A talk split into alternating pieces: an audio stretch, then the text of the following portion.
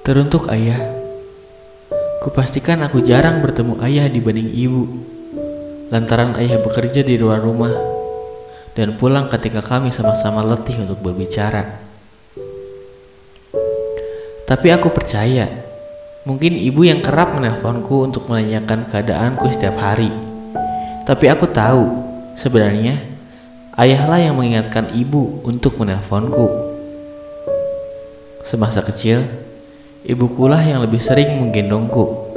Tapi aku tahu, ketika ayah pulang kerja dengan wajah letih, ayahlah yang selalu bertanya tentang apa yang kulakukan seharian, walau ia tidak langsung tanyakan kepadaku. Saat aku tidur lelap, aku tahu ayah kecup keningku. Saat aku demam, ayah bilang, sudah dikasih tahu jangan minum es. Lalu aku hanya bisa menangis menghampiri ibu. Tapi aku tahu, ayahlah yang risau dengan keadaanku. Sampai ia hanya bisa menggigit bibir menahan kesakitanku. Ketika remaja, aku pernah minta keluar malam untuk main bersama teman-teman.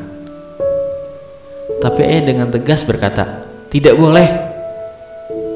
Aku sadar Ayahku hanya ingin menjagaku karena ia lebih tahu apa yang ada di luar.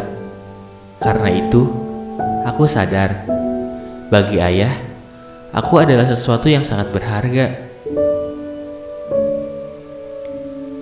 Saat aku sudah dipercaya olehnya, ayah pun melonggarkan peraturannya.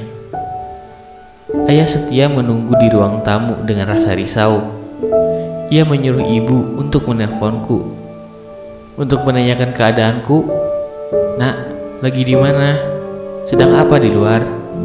Setelah dewasa, walau ibu yang mengantarkanku ke sekolah, tapi aku tahu ayahku yang berkata, "Bu, temani anakmu. Aku akan mencari nafkah untuk kita bersama." Di saat aku meminta ini itu untuk pulang kuliah, ayah hanya mengerunyutkan dahi tanpa menolak. Meski begitu, ia tetap memenuhi permintaanku. Walau mungkin ia berpikir, ke mana aku harus mencari uang tambahan, padahal gajiku pas-pasan dan sudah tidak ada lagi tempat untuk meminjam. Saat aku percaya ayah adalah seorang yang pertama berdiri dan bertepuk tangan untukku. Ayahlah yang mengabari sanak saudara, anakku sekarang sudah sukses. Dalam sujudnya, ayah juga tidak kalah dengan doa ibu. Cuman bedanya, ayah simpan doanya di dalam hatinya. Sampai ketika aku menemukan jodohku, ayahku sangat berhati-hati memberiku restu. Dan hingga akhirnya, ketika ayah melihatku bersama pasanganku, aku sempat melirik ke arah ayah dan lihat ia tersenyum bahagia. Ayah sempat pergi ke belakang dan menangis.